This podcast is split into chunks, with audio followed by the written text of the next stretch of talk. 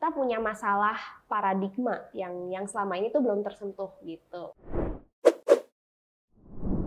Halo sahabat BPHN, insan pengayoman dan sobat juara di seluruh Indonesia. Selamat datang di podcast kita pada program juara, jurnal Resfinding dan artikel hukum bersuara. Senang sekali pada hari ini saya Lewinda Oleta bisa mengupas salah satu jurnal yang diterbitkan pada volume 10 nomor 2 tahun 2021 yang menurut saya sangat menarik yang berjudul Perubahan Paradigma Penataan Regulasi Indonesia. Sekilas kalau kita melihat judulnya, tulisan ini tampaknya akan berbicara terkait penataan regulasi Indonesia. Di mana kalau kita kembali mengingat bahwa pada era pemerintahan Presiden Joko Widodo saat ini, bahwa penataan regulasi merupakan salah satu agenda penting dalam reformasi hukum jilid 2. Selama ini, paradigma penataan regulasi Indonesia masih berfokus pada penataan peraturan perundang-undangan dengan negara sebagai regulator utamanya. Namun, menurut penulisnya, paradigma ini sebetulnya memiliki banyak kelemahan yang tidak kompatibel dengan tujuan yang hendak dicapai oleh penataan regulasi itu, yakni menciptakan regulasi yang fleksibel, efektif, dan efisien. Pemikiran ini sangat menarik untuk kita ulik langsung dari penulisnya. Oleh karena itu, kita hadirkan langsung penulisnya. Saat ini sudah hadir secara langsung bersama dengan saya, penulis dari jurnal yang judul Perubahan Paradigma Penataan Regulasi Indonesia yaitu Mbak Fiona Wijaya. Halo Mbak Fiona. Halo Mbak Winda. Selamat datang Mbak Fiona di program Juara. Uh, Sobat Juara, perlu kita ketahui bahwa Mbak Fiona ini merupakan salah satu ASN di Kementerian Hukum dan HAM. Mungkin untuk lebih jelasnya, boleh sedikit nih Mbak Fiona memperkenalkan diri terlebih dahulu untuk menyapa Sobat Juara. Siap, selamat uh, siang, karena di sini sudah siang ya Sobat Juara. Perkenalkan, nama saya Fiona Wijaya. Saya analis hukum di Pusat Analisis dan Evaluasi Hukum Nasional BPHN. Mungkin itu ya cukup ya. Oke, baik. Terima kasih Mbak Fiona. Uh, mungkin kita langsung masuk ke dalam uh, diskusi terkait tulisan ini ya Mbak. Siap. uh, kalau melihat tulisan tadi seperti kita sampaikan di awal, ini pasti terkait dengan paradigma penataan regulasi ini terkait dengan peraturan perundang-undangan. Uh, mungkin penonton akan uh, akan langsung menangkap seperti itu. Tapi kalau boleh lebih lanjut lagi, kita boleh tahu nggak Mbak latar belakang atau mungkin uh, dasar pemikiran dari Mbak Fiona mengangkat dan mengkaji men dalam tulisan terkait topik ini. Mungkin boleh cerita sedikit Mbak? Ya, jadi uh, sebetulnya sama yang tadi sudah disebutkan oleh Mbak Winda ya. Ini tuh kan beranjak dari fokusnya Presiden Jokowi untuk melakukan penataan regulasi dari sekitar tahun 2016 mungkin ya kalau kita sama-sama ingat. Kita selalu dengar keluhan regulasi kita itu banyak masalahnya dan saya yakin sobat juara juga pasti mengalami ya. Kalau ngomongin peraturan itu kebayangnya pasti aduh kayaknya uh, ribet, jelimet gitu dan kalau istilah kita kita biasa nyebutnya mereka banyak uh, disharmoni antar aturan, tumpang tindih, terus mungkin juga tidak efektif memberatkan masyarakat. Nah, itu yang awalnya itu menjadi perhatian dari Pak Presiden bahwa ini harus ditata nih.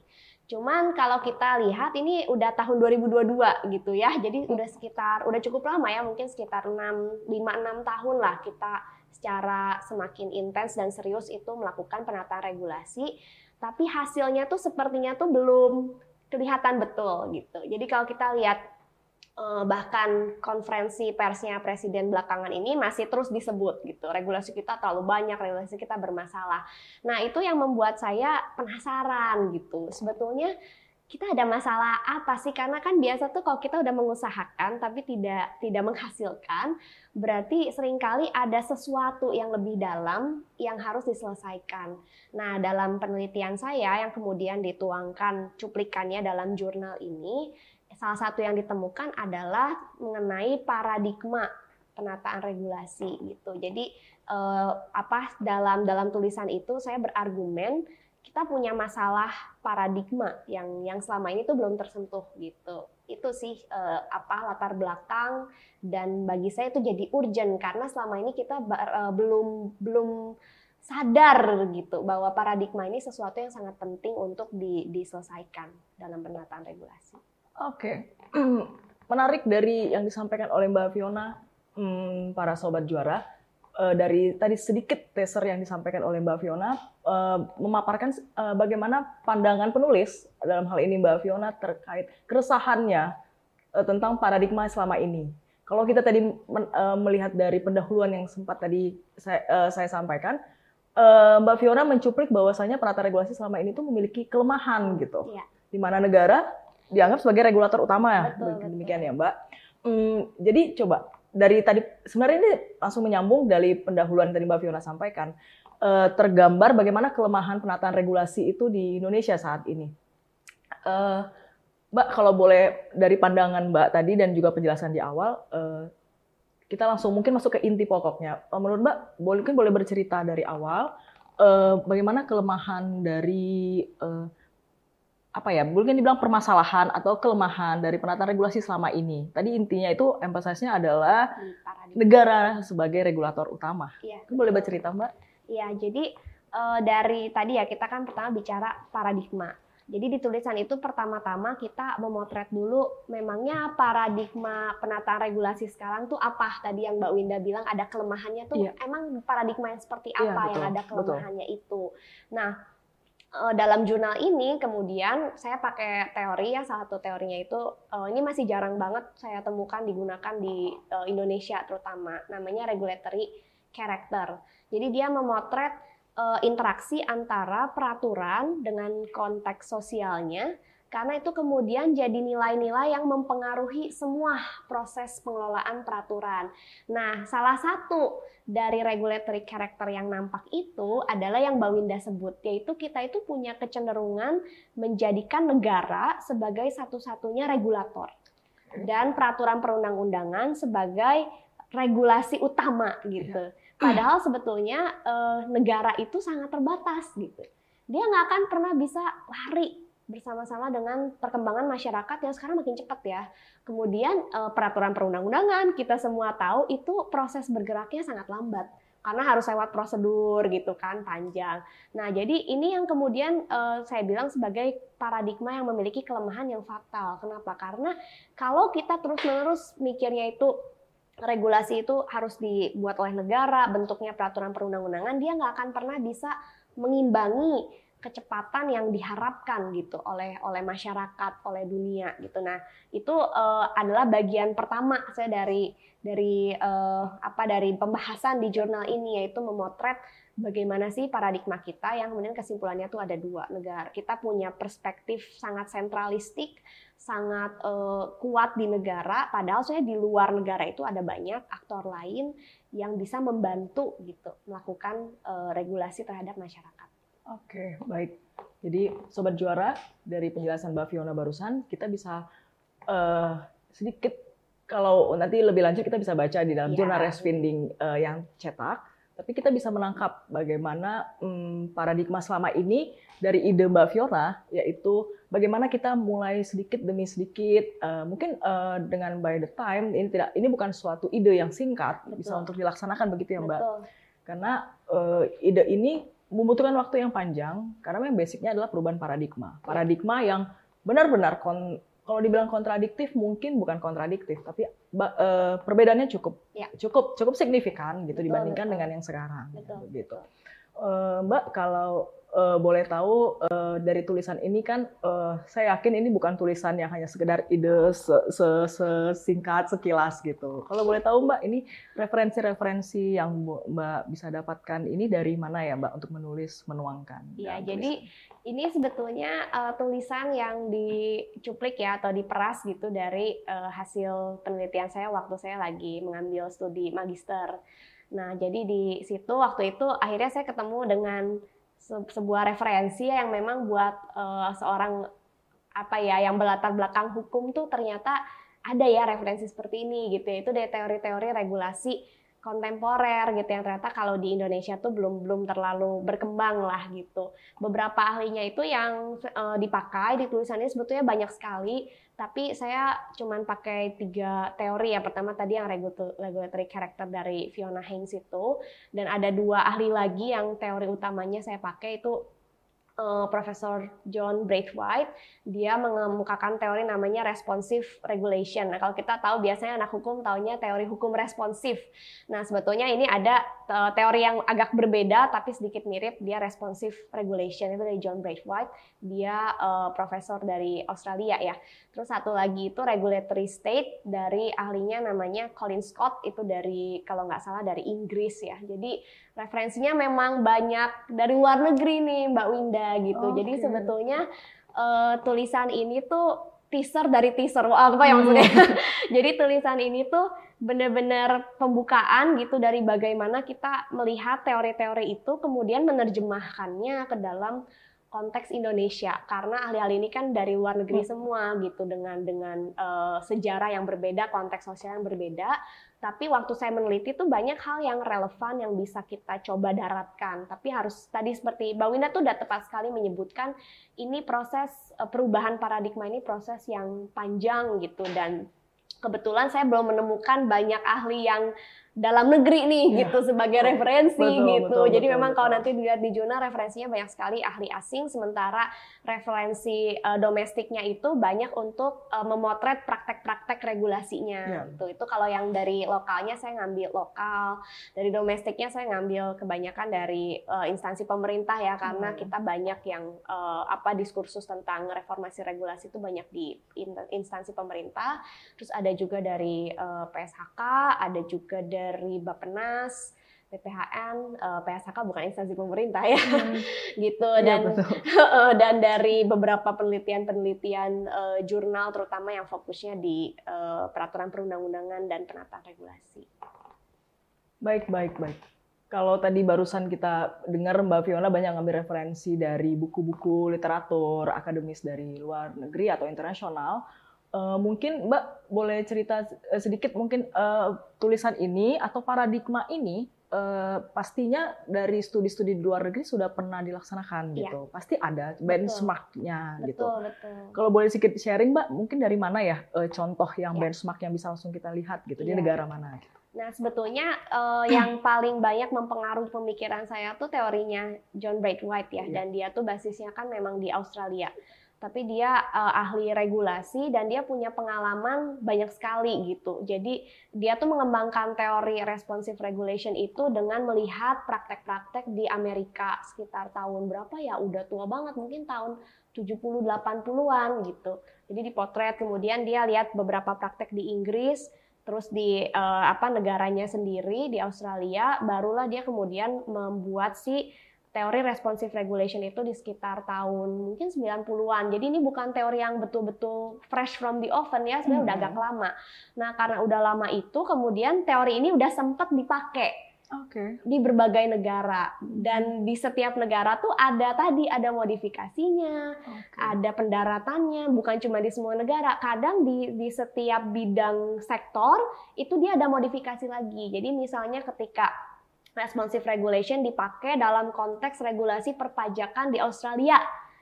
Nah, dia ada ada lagi gitu. Dia bahkan sampai ada buku-buku tersendiri itu untuk bisa di bidang kesehatan, di bidang apa karena prakteknya kayak sekali. Cuman memang eh, benchmark benchmark itu nggak terlalu nampak di dalam tulisan ini karena kan di sini masih betul-betul ide abstraknya. Yeah. Nah, makanya tadi saya bilang ini teaser dari teaser-teaser gitu ya. Iya, iya, saya iya. punya PR sebetulnya iya, iya, untuk iya. tadi ya meneruskan uh, tulisan-tulisan itu supaya bisa lebih nampak sebetulnya dia pendaratannya gimana.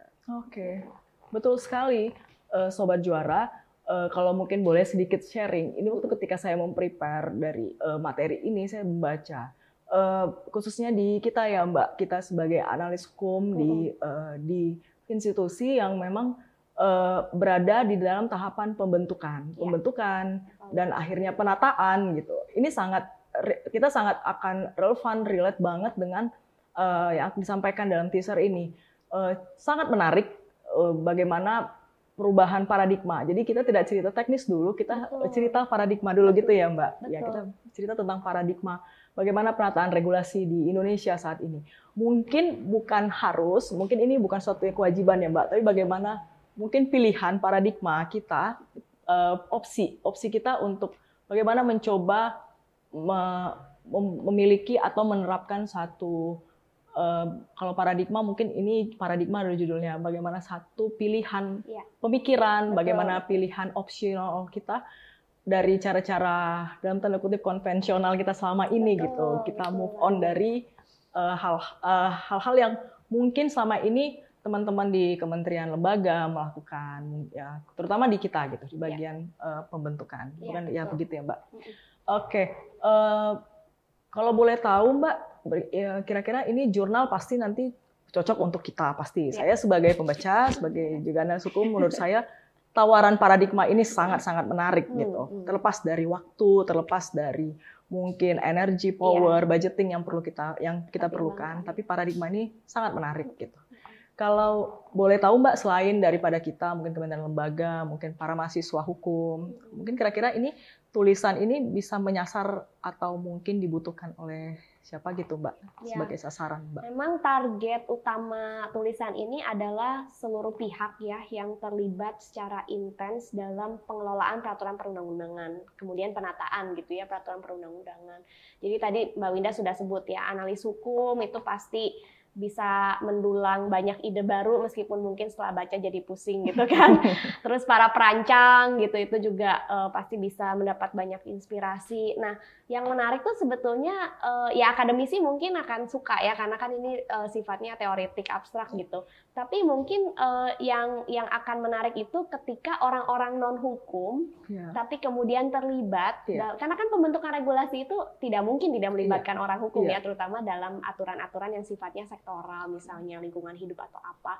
Nah, sebetulnya mereka penting juga membaca tentang paradigma ini karena e, nanti di masa depan yang kita tidak tahu berapa lama itu ya kata Mbak Winda iya. pasti lama, regulasi itu harus bisa keluar dari eksklusivitas orang hukum karena regulasi yang efektif itu nggak bisa disusun oleh ahli-ahli hukum. Makanya saya mengkritisi e, cara pandang yang menempatkan peraturan perundang-undangan itu jadi sangat e, dominan. Iya karena sering kali dia nggak bisa menjangkau sampai uh, ke bawah dan nggak bisa cepat. Nah, jadi uh, sebenarnya tulisan ini terbuka juga ya untuk dibaca oleh mereka-mereka yang uh, mungkin orang ahli-ahli yang suka dilibatkan dalam pembentukan peraturan perundang-undangan supaya sama-sama sadar iya. bahwa paradigma ini tuh ada, paradigma ini bermasalah, paradigma ini bisa menghambat kita kalau kita mau jadi negara modern yang bergerak dengan cepat, lalu kita bisa sama-sama gitu iya. memetakan, merumuskan saya gimana mengubah paradigma ini ke arah yang lebih fleksibel, lebih efisien sehingga uh, peraturannya nanti bisa betul-betul lebih bermanfaat untuk masyarakat gitu. Jadi uh, multidisiplin yang bukan orang hukum pun sebetulnya saya undang untuk uh, coba baca gitu karena bahasannya sebetulnya nggak hukum-hukum amat yeah. gitu ya. Yeah. Meskipun ya pasti terasa lah sisi hukumnya, tapi sebetulnya banyak ide di situ menawarkan uh, eh, non hukum bahkan salah satu solusi yang ditawarkan dalam buku uh, dalam tulisan ini gitu kan yang nanti bisa teman-teman baca. Solusinya pun bahkan tidak datang dari lembaga negara okay. gitu ya, tapi dari uh, asosiasi uh, perusahaan dan dalam bidang yang sangat menarik yaitu penggunaan energi surya. Oh. Jadi gimana asosiasi itu, bayangkan ini berarti bukan orang-orang hukum nih, asosiasi perusahaan itu bisa membuat regulasi efektif mendorong penggunaan energi terbarukan yang sering kali justru kan mentoknya di pengaturan ya, gitu ya. Nah, jadi uh, ini semua orang bisa baca terutama mereka yang terlibat dalam pembentukan uh, dalam pengelolaan ya, bukan cuma pembentukan, pengelolaan, penataan peraturan perundang-undangan. Oke. Menarik, sangat menarik sobat juara. Uh, tulisan ini menyampaikan uh, ide, ide yang sangat futuristik menurut saya. Iya, betul, futuristik. Ide yang sangat futuristik.